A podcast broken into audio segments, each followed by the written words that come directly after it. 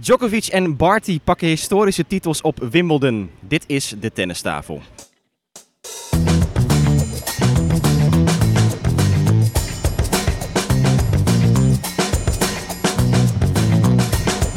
Please take your seats quickly, ladies and gentlemen. Thank you.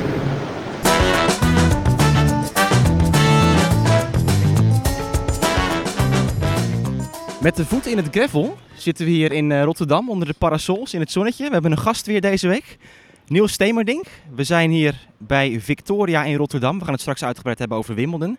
Maar er gebeurt meer in Nederland tennisland. En we zitten nu vooral tussen de, de jeugd, hè Niels? Klopt. Vertel, wat, eh, wat doe jij hier? Nou, als je goed luistert, dan eh, hoor je de tennisballen op de achtergrond.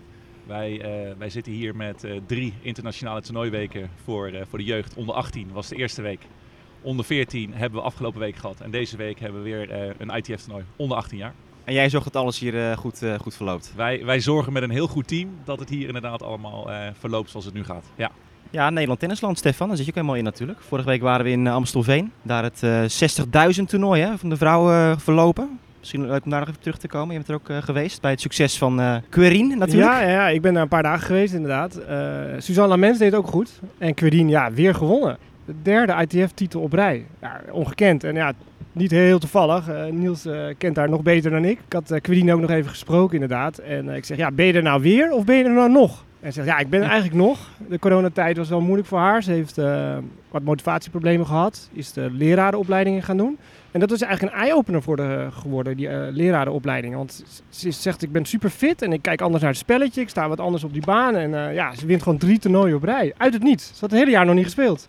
Misschien jij iets meer over vertellen, Niels, over die achtergronden. Ik kan alleen maar eigenlijk bevestigen wat je nu zegt. Ik bedoel, uh, uit het niets drie toernooien winnen. Kijk, er zit natuurlijk wel uh, veel werk uh, is eraan vooraf gegaan. Ze heeft een, een heel goed schema gedraaid het afgelopen half jaar.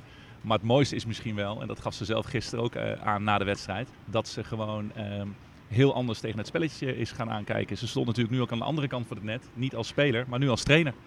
Dus dat was echt wel een eye-opener voor haar. En uh, dat was ook duidelijk zichtbaar de, de, afgelopen wedstrijden. Maar het is wel leuk als je er nu als gewoon in wedstrijdverband tennisles kan geven. Eens. Toch? Ja, ja, eens. Ja, Hij zit altijd een trainer mee. Zei ja. ook dat, ja. Nee, klopt. Maar waar komt dit ineens vandaan dan inderdaad? Ik bedoel, ze, ze doet die opleiding. Je gaf al aan, uh, net een beetje in het voorgesprek, van ja, daardoor is ze anders naar de sport gaan kijken. He, beleeft ze de, de, de, mogelijkheden op een tennisbaan anders een beetje in, in zekere zin? Nou, kijk, het is natuurlijk een hele, hele intelligente meid, een slimme meid. Zij heeft twee jaar geleden een huisje gekocht. En ja, goed, dat moet wel elke maand natuurlijk de hypotheek betaald worden. Dus we hebben ook gekeken van oké, okay, wat wil je? Welke kant wil je op? Ze heeft van alles geprobeerd, maar de tenniscursus uh, kon ze doen last minute. Uh, mocht, ze daar, uh, mocht ze daarbij. En uh, vanaf dat moment ging ze wat sparren met spelers bij ons. Uh, ging ze de, uh, de cursus volgen op de maandag, wat natuurlijk echt niet altijd makkelijk is. Nou, ook een trainingsweek, et cetera. Is ze begonnen met lesgeven. En ja, doet, ze het, doet ze het waanzinnig als trainer. En als speler zijnde ging ze ook, wat we al zeiden, heel anders kijken naar, naar het spelletje. Dus het was eigenlijk een win-win situatie.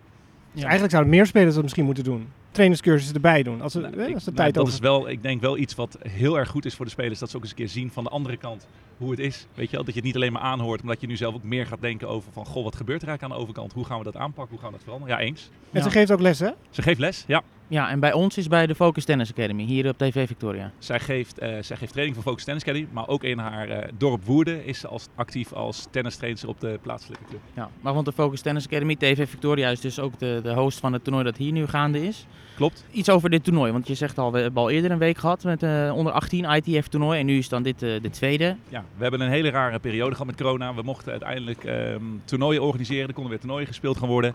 Nou, ik heb uh, met het team waarbij we dit organiseren, uh, ik denk al twaalf jaar lang dat we internationale toernooien organiseren. KNTB stuurde een berichtje van, goh, kunnen jullie het voor elkaar krijgen om over twee weken een toernooi te organiseren? Misschien waren het drie weken. Nou, dat duurde een half uurtje en we hadden het voor elkaar. Vooral ook omdat het eerste toernooi wat we twee weken geleden deden, was het toernooi van Castricum. Dat ook wel bekend als het Biesterbos toernooi. Uh, met winnaars van, nou ja, uh, Leighton Hewitt heeft er volgens mij gewonnen of meegedaan. Uh, heeft er ooit gespeeld. Dus ik had zoiets van, nou dat toernooi mag niet van de Nederlandse um, kalender verdwijnen. Dus hebben we dat overgenomen. Toen kwam het toernooi in Meppel. Het Tennis toernooi 114, die kregen het ook door corona-omstandigheden niet voor elkaar. Nou, we hebben hier de, de ruimte ervoor. We hadden de organisatie staan, dus die pakten we ook op. Ja, en was het niet dat we na een, een, weekje weer een belletje kregen van... Goh, het ITF-toernooi in Hillegom, het uh, flauwe bulp-toernooi was dat voorheen. Ook een van Nederlands bekendste jeugdtoernooien, denk ik. Die kregen het ook niet voor elkaar. Zouden die dat ook willen doen? Nou ja, en toen durfde ik het bijna niet te vragen, maar iedereen zei ook direct ja. Waardoor we dus nu eigenlijk uh, ja, drie weken hier lang uh, internationaal jeugdtennis op het park Alles hebben. valt ineens op jouw schouders. De redder in nood. ja. ja, ik ben heel blij, want wat we net ook al zeiden, ik ben natuurlijk ook in Amstelveen geweest de afgelopen weken. En dat kan alleen maar op het moment dat hier de organisatie goed staat. Dus uh, collega's die hier nu aan het werk zijn, maar ook de mensen die hier achter de wedstrijdtafel zitten, had mij anders echt niet gelukt. Nee, nee.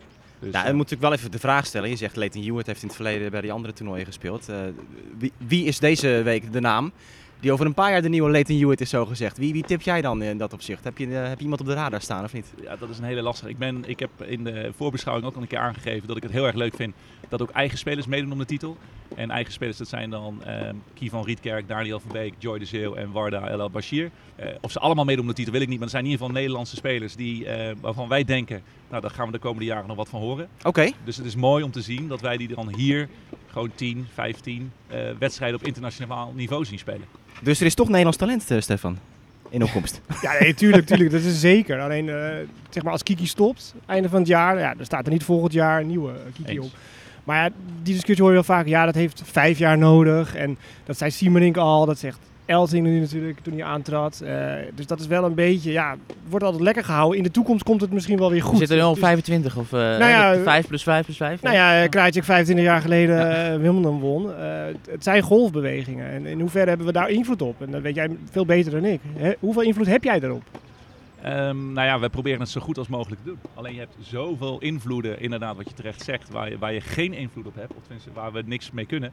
Maar als je toch ook ziet hier, de, we hebben een paar hele goede Nederlandse meiden die ook gewoon voor de titel gaan. En dat is natuurlijk lang geleden dat Nederlandse meiden gewoon meededen om de titel. Ook jongens uiteraard. Dus ik denk wel, deze lichting, de 15, 16-jarige, 17-jarige, nou, dat is wel een lichting waar we uh, heel voorzichtig mee om moeten gaan en heel goed moeten kijken of we echt maatwerk kunnen leveren voor ze om die volgende stap te maken. Ja, maar als we kijken bijvoorbeeld Wimbledon, daar gaan we het zo over hebben. In het juniorentoernooi hadden we geen Nederlanders. En Roland Gros volgens mij ook niet. Ja, dat is toch wel zorgwekkend dan. Eens. Ja. ja, dat kan ik helaas niet anders maken. En, en Quirin, daar ben je nog bij betrokken verder ook? Of, uh, wat kunnen we nu van haar verwachten? Want ze wint dus die toernooien nu op, op een lager podium. Zit er nog iets in dat ze kan doorgroeien nog naar iets moois ook op WTA-niveau, noem maar wat? Of, of, gaan we nu een beetje te, te groot denken in dat opzicht? Nou, denk het niet. Kijk, ze heeft natuurlijk het niveau gehad. Ze heeft een hele vervelende blessure gehad toen ze eigenlijk uh, randje top 100 stond. Ze had uh, nagenoeg geen punten te verdedigen. Heeft een, een zware enkelblessure gehad op een WTA-toernooi in Korea was het volgens mij. Dus daar heeft ze echt gewoon een half jaar niks kunnen doen. Dat was eigenlijk het moment om door te stoten. Goed, dat moment is er niet geweest. Um, wij hebben een, een, een, hele sterke trainingsgroep. En het is voor mij geen verrassing dat ze deze resultaten heeft. Wel dat ze natuurlijk drie toernooien wint. Maar haar niveau is gewoon al weken, maanden gewoon erg goed. Um, het belangrijkste is met dit soort weken dat je gewoon de invulling goed hebt. En ze gaf gisteren aan dat ze de macaroni van de vader uh, als, uh, als, als middeltje had. Dat ze gewoon goed kon eten. Maar kijk, het zijn natuurlijk een hele hoop uh, dingen die ervoor zorgen zo meteen of zij nog weer een volgende stap gaat maken. Want ze is nu 29 of zo? Klopt. Ja. ja. ja. Oké, okay. en 23 wedstrijden gewonnen, hè? enkel en dubbel geloof ik. Of wat was de... Ja, zij won uh, drie keer uh, vijf wedstrijden single, bij ze één walk-over kreeg, dus maken we er 14 van. Ja. Twee dubbels uh, titels, dat zijn acht wedstrijden en één keer verloor ze in, de, in Den Haag in de eerste ronde. Wat mij overigens niet slecht uitkwam, waardoor ze iets meer rust had voor de volgende wedstrijd, dat ze iets meer kon richten op de enkelspel.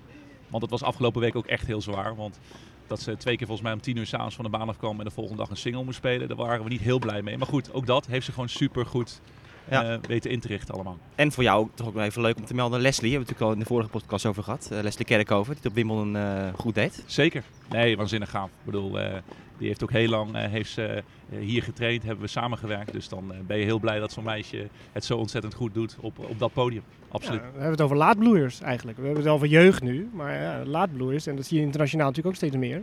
Waarom Karatsev natuurlijk de, helemaal er bovenuit steekt. Dat het steeds ouder wordt op de Tour ook. Ik denk dat als jij nu 29 bent, dan doe je gewoon nog echt al een aantal jaren mee. En was jij 10 jaar geleden 29, ik denk dat je dan echt oud was. Laat Kiki het maar niet horen. Nou ja, goed. Ik bedoel, uitzonderingen ja. dan. ja. ja. Ik heb nog één dingetje wel ja? over het toernooi hier. Want, uh, want mijn coach is hier aanwezig.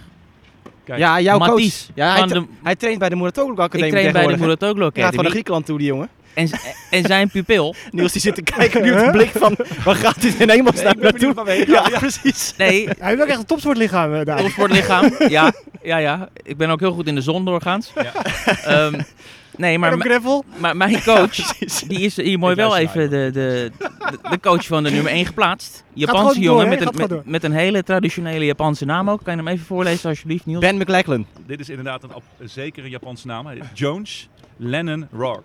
Precies. Precies. Ja, Ja, dat is mooi ja dat is de coach. regio eh, Tokio ongeveer. Hè? Ja. Dat, is, eh, dat soort namen heb je daar meestal. Ja, nou, daar ga je. Dus die is hier en die gaan we zo meteen even, even ontmoeten. Dus wij gaan die coach even uithoren hoe die jou heeft eh, Precies, precies. Oké, Wat zijn aangepakt. sterke punten zijn en zijn Ja. punten. Nou, top. Eh, ja, Niels, bedankt. Eh, succes deze week. En eh, ja, goed wat je allemaal doet voor het eh, Nederlandse jeugdtennis op dit moment. En eh, ja, wie weet met uh, Quirin nog succesjes ook Laat in de dat toekomst. dat we dit inderdaad doen omdat, eh, om die toernooien hier te behouden, dat de Nederlanders de kans krijgen om te spelen. En dat is eh, tot op heden meer dan geslaagd. Ja, super. Dank jullie wel. Dankjewel. We gaan het over Wimbledon hebben. Hoezo? En... ja, ik zie je al de hele tijd hier op tafel liggen, Stefan. Jij hebt van die muntjes. Het is natuurlijk 25 jaar geleden dat Krajicek eh Wimbledon heeft gewonnen. En nou ja, al besproken in de vorige podcast, die, eh, de, de uitgifte van die speciale Wimbledon munt. Jij kan het beter uitleggen. Wat ligt daar op tafel? Ja, ik was daar de afgelopen week eh, voor uitgenodigd. eh, in De Lier, eh, vlakbij Delft. tennisvereniging Het Loo. En Richard Krijtser kreeg daar ja, zijn munt uitgereikt. 10.000 exemplaren van eh 20 cent en vij- 5 cent. Dat maakt bij elkaar 25. Ja. Zo snel uit mijn hoofd. En dat is 25 jaar geleden dat hij Wimbledon won. En dat derde muntje, daar staat zijn hoofd op, zie je? Ja. Dat is dan dat is onofficieel een, een kwartje of zo, zeg maar, zogenaamd. Ja, ja, precies. Daar staat ook zijn handtekening aan de andere kant. Daar kan je niet Ja. mee betalen. Nee, ik Maar die andere wel. En daar zit ook de, de koning op. Oh ja, gaaf. En ehm, ze hebben een 3D-print gemaakt van zijn hoofd. En eh, ze waren een beetje bang dat het ging lijken op Ronaldo, weet je nog, een standbeeld. En eh, dus hebben er nog wat eh geretoucheerd. En eh, het koning een fotootje, dat hij op zijn knieën valt, staat erop. Oh ja, heel klein. En- ja. Maar die kan je dus gewoon inruilen bij de Jumbo voor, eh voor Nee, de deze Niet, daar kan je niet mee betalen. Nee, Ja, ik, heb, eh, ik zou koffie betalen, weet je, had ik eh, dat gezegd, zei je, ja. natuurlijk, Ja. Dus, eh, Nee, maar die 20 en, die, die 20 en 5 kan je ja, die betalen, zijn, die zijn echt. Ja, dus dat is wel uniek. Dus ik zeg tegen Richard, eh, ik sprak hem nog even na afloop. Ik zeg, eh, nou, je hebt Nederland een stukje rijker gemaakt. Ja. 2.500 euro erbij. Ja. Hij zei, ja, of armer, want eh, het devalueert eh, de munt.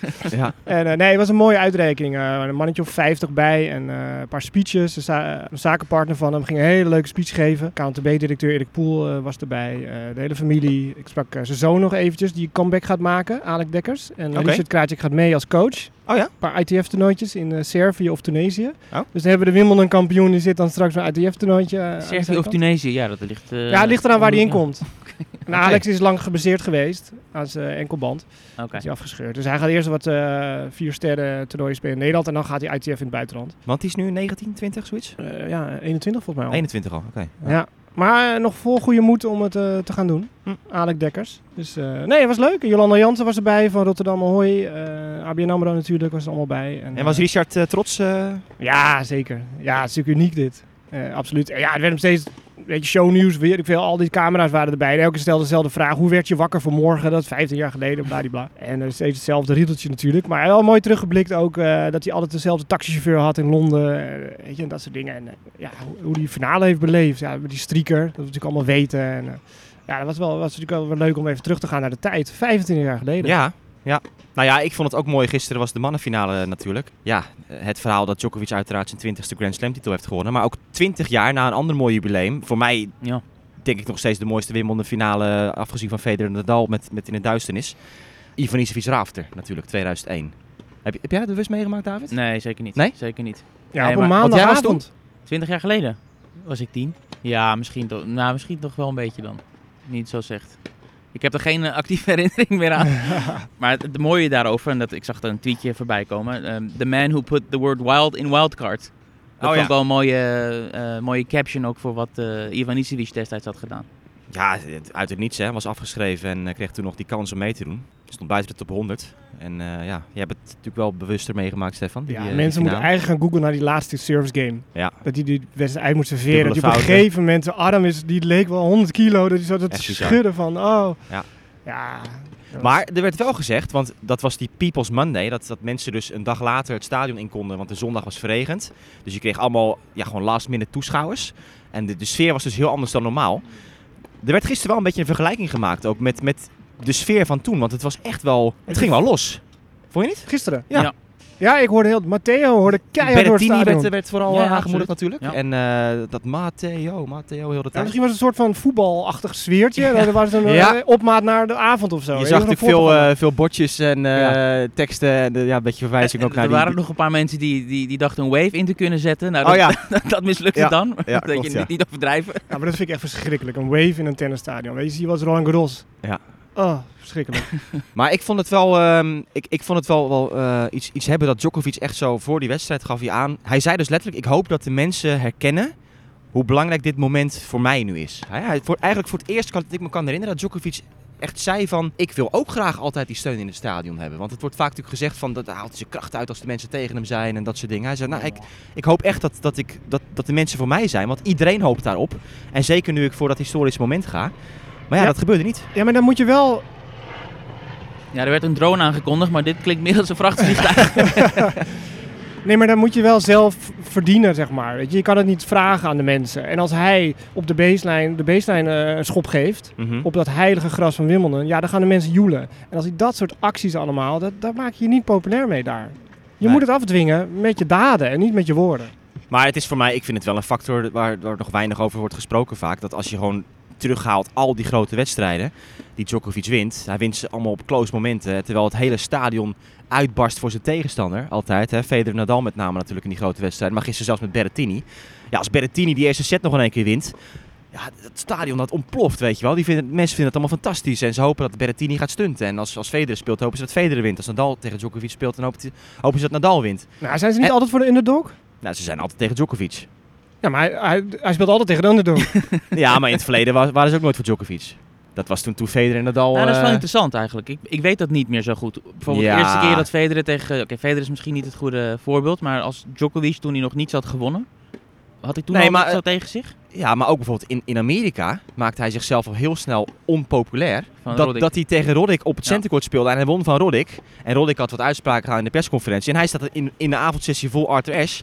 Staat hij, staat hij te zeggen na zijn winst op Roddick. Ja, ik ben wel blij dat ik van hem heb gewonnen. Want hij heeft allemaal dingen over mij geroepen die niet zo netjes zijn. Dus eh, ja, de, de groot fluitconcert en zo. Dat, ja, dat was volgens mij in maar 2006, ook dat- 7 of iets. Ook dat hij die, die, die spelers ging imiteren en een beetje belachelijk maken. Ja, Ja. en- En het dal, eh, onderbroek uit zijn broek halen. En Ja, maar dat, de fan, dat, dat wilden de fans juist wel zien. Nou, dat weet toch? ik niet. Nee, want je komt toch aan hun idolen en die gaan ze, gaat hij een beetje de, de, de Hm. zeik meenemen. Ja, en hij had een niet beetje die reputatie dat hij veel wedstrijden opgaf. Hè? Ja, ja, ja. dat dat Ja, is een, en dat Ja. is ook waar Federer toen later Ja. nog een punt van maakte. Echt in de microfoon, op camera, zei van... Hey, ja, Djokovic die heeft eh, verloren van Roddick. Hij heeft de wedstrijd niet afgemaakt. En eh, ja, dat doet hij wel vaker. Hè? Ik heb dat zelf maar één keer eh, gedaan of zoiets. Dat soort Nou, we moeten, ja, en, en zeker ook niet vergeten dat toen hij voor het eerst die, eh, die Australian Open wist te winnen. En toen, toen won hij van Federer. En dat die ouders dus Ja. echt gelijk van de toren blazen. Dat die moeder die, die riep van the king is dead. En, Long live the king. Dat ja, en, en vanaf nu hoeft Djokovic nooit meer van Federer te verliezen. En het is, hij is de echte beste, weet je, na zijn eerste titel. Toen al gelijk dat soort dingen roepen. Ja, dat, En dat, Dat is nooit ook- Dat Nou, gebeurt tot op de dag van vandaag. Dat die vader Nou. is elke week in de Servische media. oh, Komt er weer een interview. Nou, dat geloof me hoor. Maar het is wel mooi dat Tony Nadal Djokovic 10 minuutjes zag trainen op Ja. Wimbledon. zeker. De allereerste keer dat hij hem zag, dat Ja. hij meteen naar de kleedkamer liep en zei: Rafa, we have a problem. Ja, en dat Rafa denkt, huh? Ja. Toen was Djokovic nog niet bekend. Dat, dat staat ook in het boek van eh, Nadal inderdaad, dat, die anekdote. Maar ja, het is... eh, Ja goed, we hebben een aflevering eh, opgenomen. Niemand is beter dan Djokovic, heet Ja. die volgens mij. Ja, dat kunnen we nu gaan herkauwen. ja. Eh, ja, wat moet je er nog over zeggen? Maar hoe, hoe heb jij dat moment beleefd, Stefan? Djokovic pakt zijn twintigste titel. Staat nu gelijk met die gasten. Ja, niet als verrassing. Totaal niet. Ik, vind, ik, ik zit alleen maar te denken aan de US Open al. En natuurlijk Olympische Spelen. Nou goed, dat, dat komen misschien nog op, dat is een vraagteken. Maar dat hij er gewoon alle vier wint. Dat vind ik een groter verhaal dan die 20-20-20. Want dat was echt een onvermijdelijk Ja, dat iets gaat ging gebeuren een keer. Dat wist je. Ja. Maar dat het nu Ja, vier op rij kan worden in hetzelfde jaar. Ja. Calendar Slam en eh, Olympische Spelen. Nog Golden Slam eventueel. Dat is nog een beetje onduidelijk. Nou, maar sorry, maar ik vind het wel even dat je hier wel makkelijk overheen stapt. Van 20, Ja. 20, 20, dat wisten we het gaat gebeuren. Maar dit is natuurlijk wel een moment wat voor de buitenwacht, weet je wel. Alle nieuwsverhalen nu van die grote drie tennissers Tuurlijk, staan tuurlijk. nu allemaal op 20. Dat is natuurlijk en ze gewoon spelen nog. het sportverhaal van het jaar. Zeker, bijna. maar Ja. dat is niet... Dat is En ze spelen niet nog. Ik had verrassend. wel Nee. gedacht dat Nee, hij het het is zou niet verrassend, halen. maar het is, het, is, het is wel een gigantisch moment. 100%. 100%. Een, Weet een je wel? moment, En, het en, voor Djokovic is dit een moment waar hij 10, 15 jaar naartoe heeft gewerkt. En dat heeft hij nu bereikt. En wat jij zegt, Stefan, is ook natuurlijk wat je bij Djokovic zelf al gelijk zag in die prijsuitreiking. Hij was heel nuchter eigenlijk. Hij stond er heel met een hele droge kop van, ja, oké, ik sta op 20, maar Hij zei het ook wel, hè, van ik, ik kijk alweer door naar de volgende. En eh, die Sue Barker die vroeg het heel voorzichtig van ja, nou, heeft nu alle drie gewonnen. En de US Open, durf je er aan te denken? Ja, dat heb ik al wel... Zie ik wel eh, voor me, ja, zei hij. dat zie ik al wel voor me, ja. Ja, natuurlijk. Hij Dus, had eh, Serena nog voor zich. Laten we dat niet vergeten. ja, ook En dat, Graaf. ja. Toch? En eh Ja, Margaret ja. Court. Maar ik vond ook leuk, ik zag later een foto van toen Djokovic in 2011 zijn eerste Wimbledon won. En dan nu die foto van nu, eh, allebei zo met die beker omhoog. En in 2011 zag je echt die uitdrukking van een kind, zo van, weet je, oh, ik heb het gedaan. Dit is, het is gelukt, weet je wel. Dit is, dit is de levensmissie. Ja. En nu staat hij gewoon met die beker zo, alsof hij de trofee van Madrid omhoog houdt, weet je wel. Ja, maar dat, gewoon, het is weer het is een, het ook. volgend, een volgende prijs in Maar de reeks. Ja, maar hoeveel slams had hij in 2011, wat je zegt? Nou, dat was de eerste Heel- Wimbledon. Dus Ja. hij had toen, volgens mij zijn derde of zo was het denk ik. Precies. Iets in die richting. En Wimbledon was altijd de droom hè, voor hem. Dat, dat was natuurlijk een mooi verhaal nog wat hij zelf vertelde in die prijsuitreiking gisteren ook. Dat hij als kind, dat ging hij helemaal terughalen. Dan stond ik eh, met eh Ja, maar dat geïmproviseerde materialen eh, een bekertje Precies, gemaakt. En eh, nu sta ik echt met die Ja. hoofdprijs. eh. Hij heeft er zes, hè? ja, hij heeft er zes. Ja. Nou, maar ik zou, ik, weet je, ik keek naar die finale en ik, hij zal toch niet van Berrettini verliezen. Dat vind ik zo'n matige tennis namelijk. ja, ik weet het wel, het is allemaal geweldig, maar qua, qua ten, ik, ik zag de eerste game. Nou, oké, Djokovic sloeg drie dubbele fouten, geloof Ja. ik. En eh Berrettini sloeg twee bekkers onderin het net. Ja. Ik denk, oh god, wordt zo'n ding, hè? Ik gaf Berrettini echt wel een kans. Ik ook. Ik gaf hem echt een goede kans. Nou, als hij uit de rally bleef, zou blijven ja, van tevoren, maar zo, eh, zo, zo, tuurlijk. hoe hij serveerde in die, in die halve finale ook. En, en, eh, en die voorhands eroverheen. En hij, hij, hij speelt gewoon heel goed op gras. En ik vind dat wel komisch, want hij heeft natuurlijk die ontzettende pols voorhand ook. Met die, met die, met die spin. Maar hij, hij, op gras kan hij dat supergoed, toch? eh, die, die ballen controleren en aanpakken. En, Ja. ja, ja het, het was gewoon jammer dat hij last had van zijn been. Want hij bewoog, hij beweegt altijd al niet, niet subliem per se. Maar je zag ook wel momenten dat je dacht, oh ja, hier is wel iets dat hij dat been eh, probeert te, te beschermen. Soms niet laag genoeg zitten ja, of, gewoon even als hij moest herstellen. En eh, zijn broer die gaf het ook na afloop nog aan eh, bij, bij Eurosport dat, eh, dat, dat het echt wel een probleem was. Dus eh, dat was jammer. Ja, hij serveerde niet goed genoeg om te winnen. Dat was het punt. In Nee. de aanloop serveerde hij heel goed. En de cijfers waren in de finale ook minder dan in, in die voorgaande Ja. partijen. En, en dat is, het. als je van Djokovic wil winnen, was ook een hele lange periode met, met Federer en zo. Weet je, dat was heel duidelijk. Federer moet dit percentage halen op zijn service, op zijn eerste service, om een goede kans te maken tegen Djokovic. Houdt het niet, dan kan je koprollen maken, kan je doen wat je wil, het lukt niet. Ja, maar hij stond wel tegen de beste returneerder van, eh, van de wereld eh, ooit geleefd. Dus dan serveer je misschien ook wel iets minder, hè? Het is geen hoerkast die aan de overkant staat. Ik vond het wel komisch dat, dat Berrettini, hij maakte, hij maakte net zoveel onnodige fouten in de eerste set als, als in zijn hele halve finale. En dat hij toch die set wint van Djokovic, weet je wel. Met 18 onnodige fouten. Van nou, dat, dat is natuurlijk wel heel absurd. En zeker dat Djokovic echt in die eerste set voor het eerst in weet ik veel hoeveel jaar echt sp- gespannen was. In een grote partij. Eh, dat, dat hij het uit handen liet glippen op de big points in die eerste set. 5-2 voor, setpoint. En eh, toch, ja, die tiebreak was drama. Hij bleef wel in zijn zone, hè? Djokovic. Ja, zeker. Dat was knap. Dat, Dat is hij, knap. dat was het moment van de wedstrijd. Dat hij begin tweede set toen gelijk die break maakte. En gewoon stoïcijns eh door bleef gaan in die partij. Ja, Nou ja, en wat moet je nog zeggen over die man? Nou ja, wat je moet zeggen, wat, dat is wat, wat mij opviel. Ik vond hem helemaal niet zo sterk dit toernooi. Nee. Djokovic, dat is nog het, het mooiste nieuws voor hem. Hij heeft echt op 50, 60 procent van zijn kunnen volgens mij eh, die titel gewoon binnen gewandeld. Hij is geen moment, heeft hij alles uit de kast moeten halen. Geen moment is hij echt uitgedaagd. Ja, er waren wat individuele momenten in die finale. maar dat was in een kiele- 2019 ook, hè? Die finale tegen Federer was eigenlijk helemaal niet zo goed, Djokovic. Alleen de big points was De hij big goed. points, ja. Hij verloor een set met 6-1 en met, met 6-3 geloof ik. En, Ja. en, twee, en drie tiebreaks won hij. Ja, maar dat zegt misschien ook iets over het niveau van Wimbledon dit jaar. We hadden geen Rafa, we hadden geen goede Federer. Nee, Nee, ja, ja. kijk, Shapovalov was gewoon heel goed. Ja, maar in de halve finale, dus ja, Was hij ook goed, alleen Ja. niet op de, op de punten die telden. ja, maar dat is in de halve finale. Ja. Dat is typisch halve finale wedstrijd. Maar Berrettini heeft ook wel goed gespeeld, hoor. Ja, hij speelde wel goed. Ja, ja, hij speelde Andere wel in de finale tegen de beste speler die, Ja. die de beste vorm was. Die natuurlijk een grastitel had gewonnen.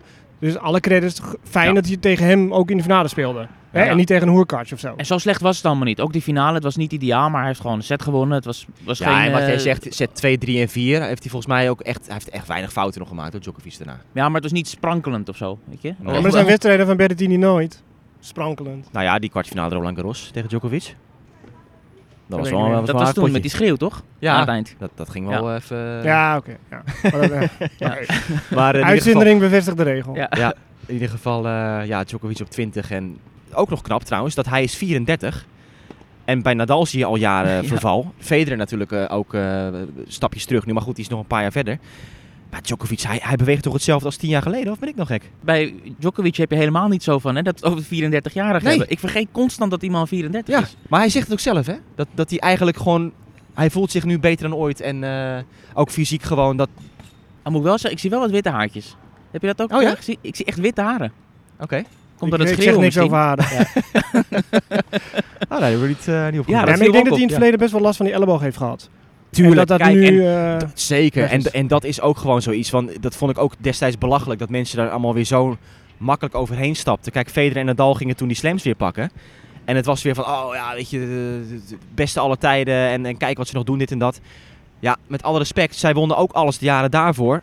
Alleen van één man wonnen ze niet, Djokovic, die viel toen weg. Ja, En toen wonnen ze weer alles. eh, maar dat vind ik ook zo. Dat hoort bij een carrière. Een dip. Nadal heeft zijn dips maar- gehad, Federer heeft zijn dips gehad en Djokovic heeft ook zijn dips gehad. En het automatisch nee, maar Djokovic was gewoon letterlijk weg. Hij was gewoon weg. Ja, maar blessure is blessure, toch? Als je gewoon Ja, oké, maar, maar Nadal heeft toch ook heel vaak dat hij weg was? zeker, tuurlijk. Ja, Absoluut. maar dat, dat hoort bij een tenniscarrière. Ja, Dus Maar het, is, ja. het, werd wel makkelijk. Ik vind wel dat het, werd- het was toen echt alleen maar Hosanna weer van Federer en Nadal. En eh, ik kan mezelf nog herinneren dat ik ook zei van ja jongens, hè, als Djokovic gewoon fit was geweest, dan had het volgens mij wel anders gelopen. Ik kreeg ook een bak eh, shit over mij op social media. Ik dacht van nou ja, we, we gaan het wel weer zien straks. Maar ook hij profiteert gewoon van het feit dat hij nu zo'n toernooi heeft waarin hij gewoon nul tegenstand heeft. En dit is voor hem juist volgens mij het moment om nog even 4, 5, 6 Grand Slams eh erbij te ja, knallen. maar aan de andere kant, ik vind toch wel, je ziet, hij, hij is wel te pakken Djokovic. Dat klinkt misschien gek dat ik het nu zeg, maar kijk naar die Shapovalov wedstrijd.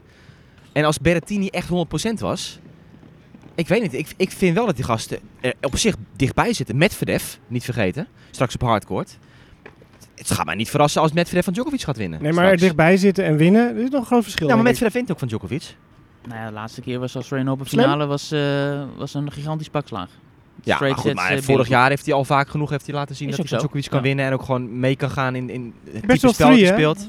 Best wel vijf, de is een heel andere, andere verhaal. Ja. Shapovalov gaat het toch in straight set af. Ja, Kan je zeggen, hij zit er dichtbij. Ja. Maar eigenlijk is het een te ver. Ja, maar we hebben, we hebben tien jaar lang meegemaakt dat ze altijd in straight sets eraf gingen. En dat je ook geen enkel hoopgevend eh, iets erin zag van eh, het gaat de volgende keer anders zijn, toch? Het schiet nu een beetje te binnen, maar die Shapovalov-nederlaag tegen Djokovic heeft misschien wel een beetje weg van de Djokovic-nederlaag tegen Federer op de US Open 2007. Zeven. Dat was ook straight sets, ja, maar dat was 7-6, daar sprak je nog wel 7-5. over, ja. Dat, En hij, er dat- ook, dat hij toen nog het geloof niet had. Hè? Dat hij Ja. gewoon eigenlijk gewoon gelijkwaardig was minimaal. Volgens mij had hij daarvoor trouwens van Federer ook gewonnen in een Masters finale. Ja, klopt. Canada. ja, hij is wel gewoon kwetsbaar in die zin dat hij is wel afhankelijk van dat soort gasten, Shapovalov, Berrettini. Als die gewoon het op een heup, heup hebben, die zetten wel de wedstrijd naar hun hand. Goed, ze missen nu nog die eindbal, maar zij hebben wel controle over de wedstrijd. Als je een beetje begrijpt wat ik bedoel. Ja, maar hij slaat natuurlijk niet iedereen zomaar weg. Nee, Hij moet altijd de rally spelen. En, maar hij komt ook altijd in de rallies, omdat hij zo fantastisch retourneert. Z- Zijn service is wel Ja. Goed. Nou, weet je, echt wel goed, Ja, maar niet eh, wapen. mega... Vind je het echt een wapen? Ja, Nou, hij moet best wel rallyen, zeg maar, ook in zijn eigen games. Dus je hebt altijd het gevoel dat je kansen hebt, Ja. zeg maar. Ja, hij is gewoon de allerbeste. En nee, eigenlijk zou alles over Djokovic moeten gaan, als GOAT. En die andere twee straks, ja. ja, nou ja, kijk, Meer. laten we eerlijk zijn. Iedereen die nu nog stellig beweert dat een van die anderen de GOAT is, die kan je gewoon niet meer serieus nemen. Nee, nou, dat denk ik het ook. Nee, zeker. Als je Maar goed, je gaat ook kijken, wat heb je voor de sport gedaan en zo. Hè? En uithangbord. Maar Ja. ik zeg het nogmaals, Federer deed in de beginperiode waar Hewitt en Roddick en zo heersten. Maar Wat Djokovic- Nali voor de sport heeft gedaan, Ja, dat is ook gigantisch, ja. weet je. Als, Ja. je, als je dat gaat meten, hoeveel nieuwe mensen Nou in ja, China eh, Dus de het markt geopend. We en- moeten het en- hebben over uitslagen en resultaten. ja. Ja. Djokovic in dit tijdperk met twee van die kanjes voor zich, haalt hij het gewoon. Hij is gewoon de aller, allerbeste. Maar denken jullie echt dat hij de komende jaren onbedreigd twee, drie slams per jaar blijft vinden nog? Ik ben het er niet mee eens, maar om, om jouw eh, voorbeeld van wat je net zei, hè, die, die, die periode Federer aan het begin.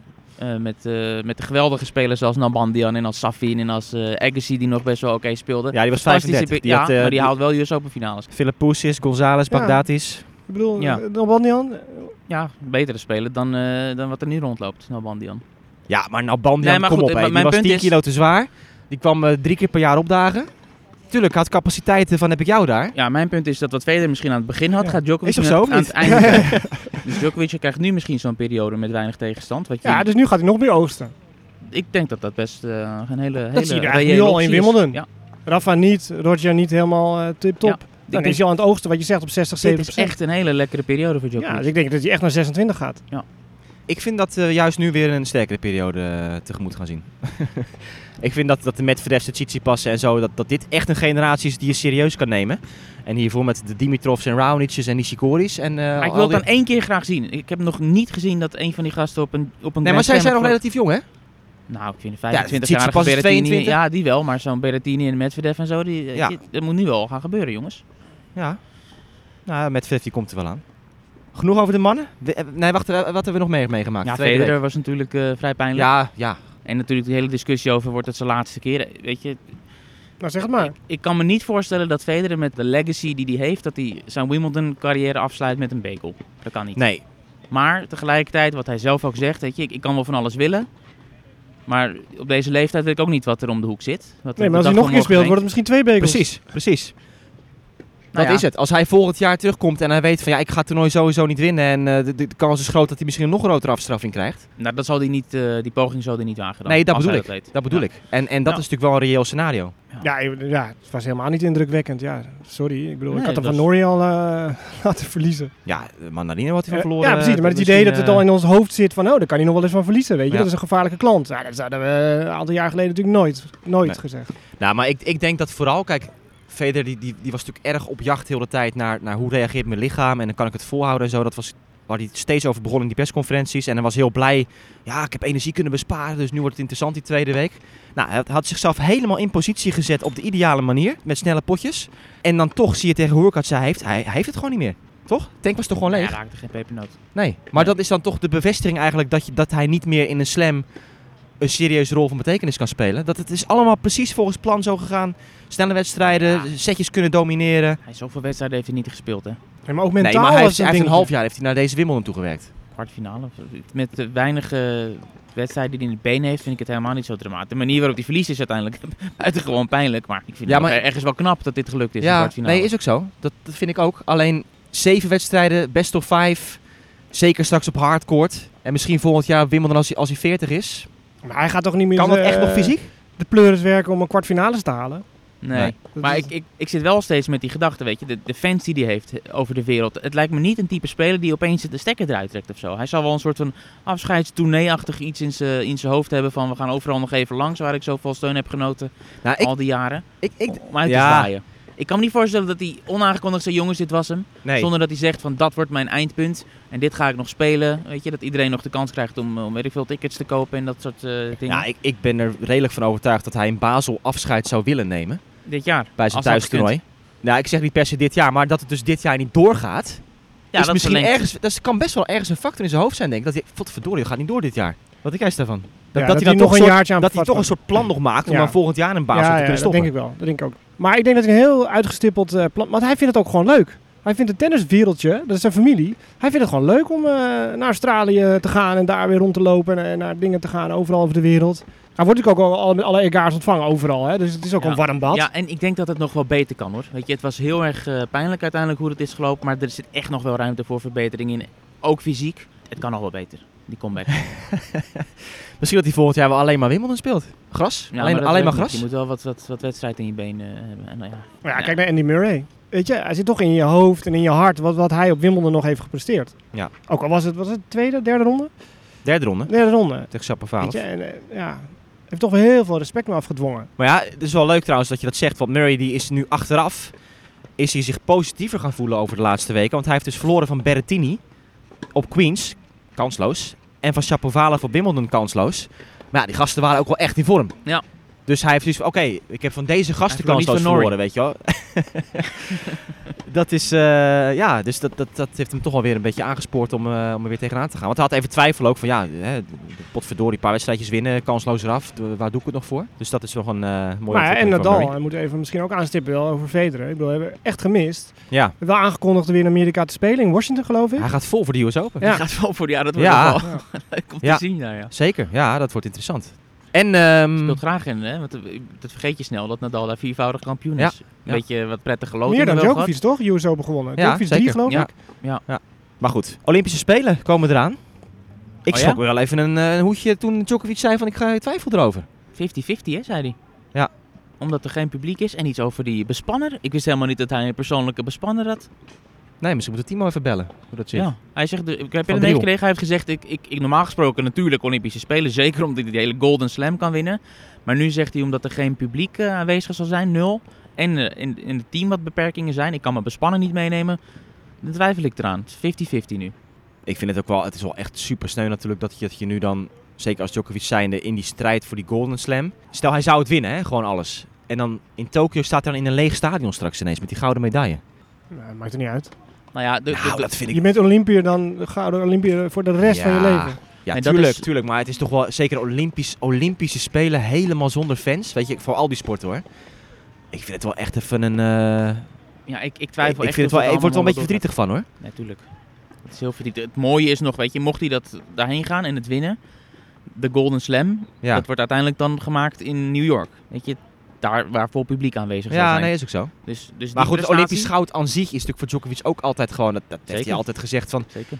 hoeveel dat betekent voor hem en zijn familie en het land, weet je. Voor Servië goud winnen, dat soort zaken. Eh 2016 toen hij van de Potro verloren, tranen de baan af. Hij zegt, hij twijfelt misschien vast wel, maar uiteindelijk... Nou denk ja, jij, denk je Ik dat denk hij- ook dat hij gaat. ik denk het ook. Maar Stel je nou voor dat hij, straks, dat hij niet gaat, dat hij de US Open wint? Ah, dat is Nee, dat- maar ik denk dat hij bang is om de US Open in gevaar te brengen met een pijntje of een wat dan ook op, op de Olympische Spelen voor een leeg stadion. Ik denk dat hij dat zit in zijn hoofd. God, ik ga zo meteen daarheen. Mhm. Ik, ik maak iets kapot, waardoor ik de calendar slam op het spel zet.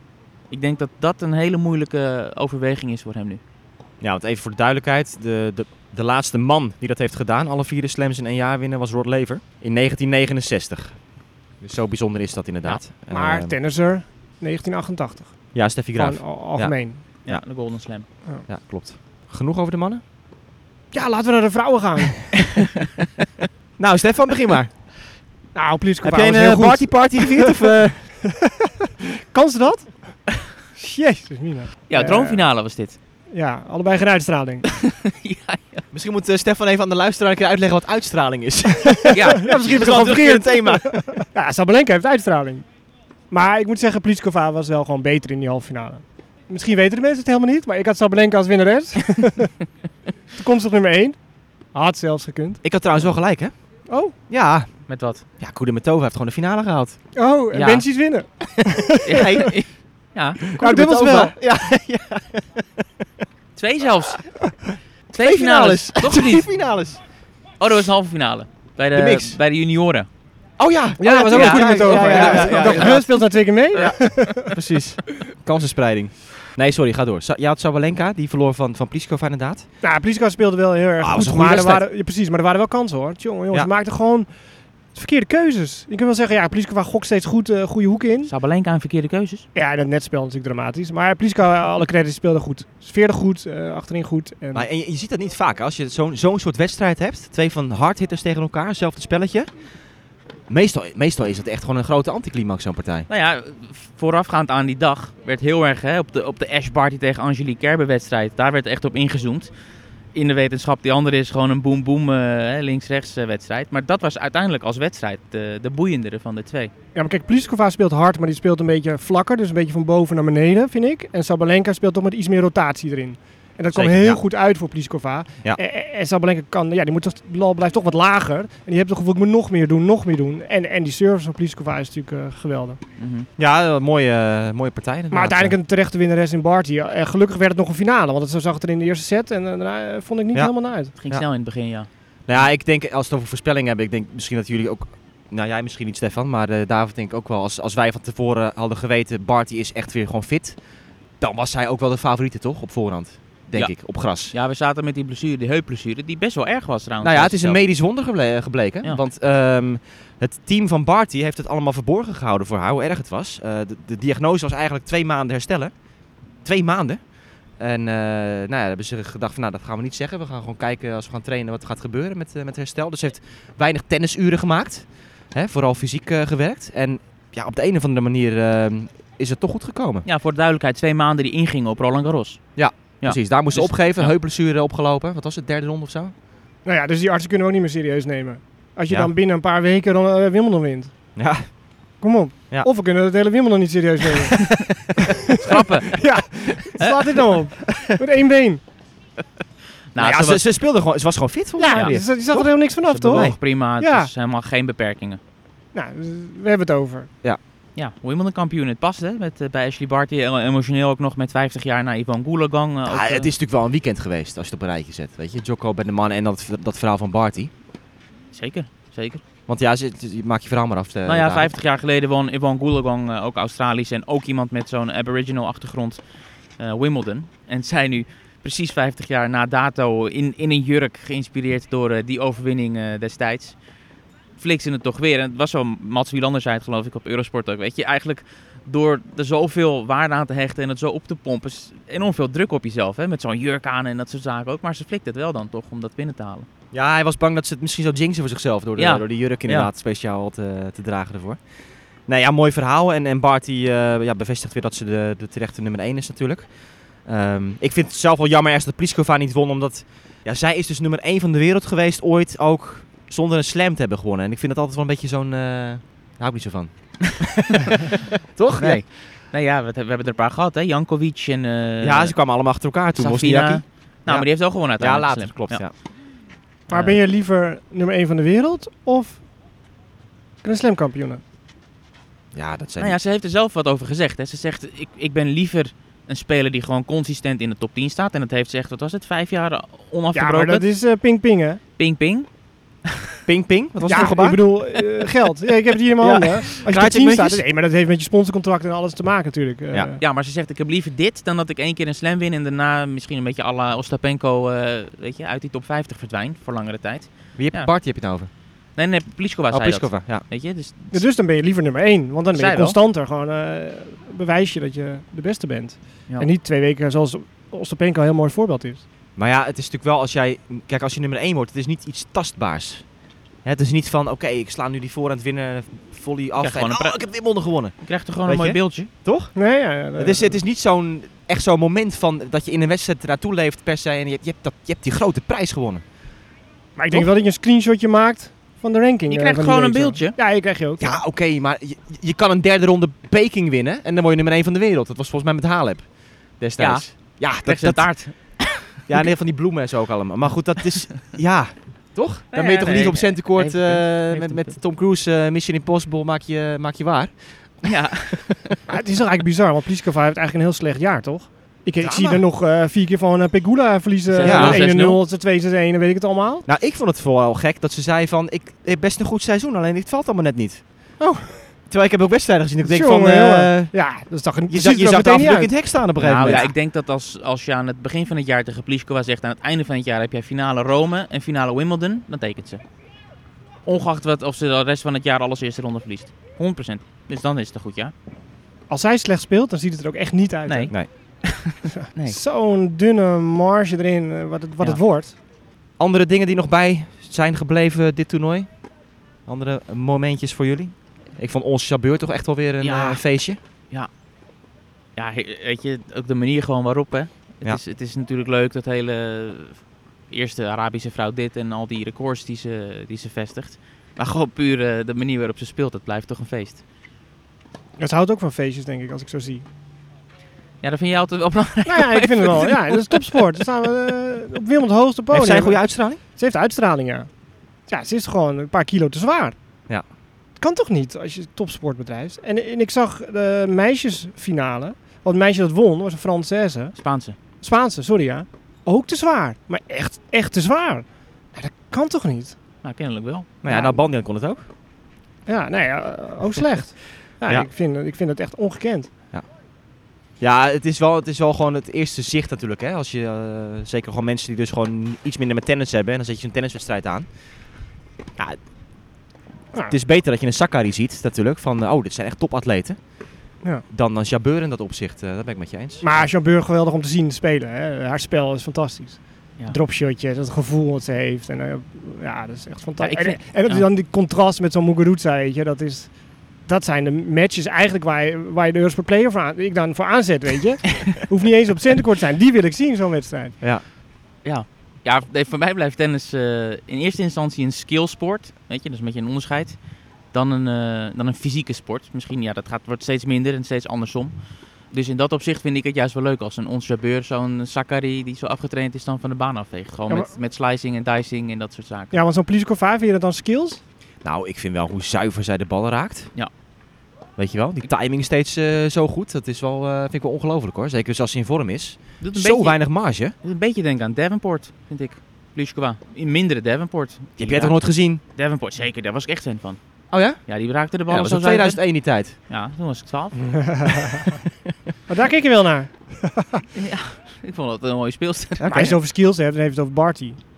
Eerder dan over Pliskova. Zeker, ja, ja, ja. Ja, dat maar is ja, wel ja. lekker. Zo'n slijsje langs de lijn, zo, hè, Ja. een beetje zo naar buiten draaiend, half kort. Ja. Dat is fantastisch. Nederlandse journaal is verder niet zo enthousiast over. eh, ik, ik zag wat tweets voorbij komen van gerespecteerde tennisjournalisten die zeiden: Ruk en ezel tennis, eh, wat Barty speelt en kan niet eens een backhand doorslaan. En Ik ja, vind het juist heerlijk als een... En eh, wat waren de tweets over Berrettini dan, backhand? ja, die heeft buitenschot. Oké. Oh. toch heerlijk als je zo'n slijsje kan spelen als vrouw zijn. Ja. Was Graaf ook Ruk en ezel tennis dan? Die sloeg nooit een bal door met de backhand. Die had een slice. Zo. En een voorhand, ja. Die, die, Dat was nog voor voetenwerk. 2001, David. Ja, YouTube. Oké. Dus, eh, Ja. ja. dan moeten we Dieder de Groot noemen. Ja, won eh, weer het Rostel toernooi. Heeft nu alle vier de slams de beker in bezit. Oké. Op dit moment heeft hij elf gewonnen. En eh, alle vier titelhouder nu. Dat is toch wel bijzonder. Heeft En kan de Paralympisch winnen. Golden Slam. Slam. Ja. En heeft onlangs een contract met Nike afgesloten, dus ook leuk voor haar.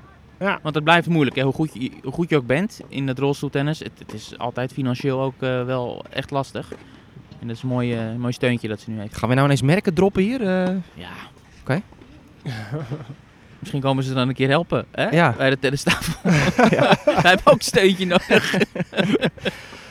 Goed, ik denk eh mooi moment om af te ronden. Het was weer een eh, beladen toernooi, Wimbledon. We gaan eens kijken of we hier nog wat talenten kunnen spotten bij eh, TV Victoria, het juniorentoernooi. ITF-toernooi, hè, was het? Ja, ITF onder 18 eh toernooi ITF onder 18 toernooi, Ja, ja. dus, dames en heren, eh, kom alle, kijken. alle geïnteresseerden die nog niet genoeg tennis hebben gezien, die kunnen hier eh, weer mooi ook eh, ja, fijne gravelbaantjes En we gaan jouw coach nu opzoeken. Oh ja, Ja, mijn coach, ja, Mathies. Daar oké, we gaan eens kijken waar die is. Bedankt voor het luisteren, tot volgende week weer, dan zijn we weer terug.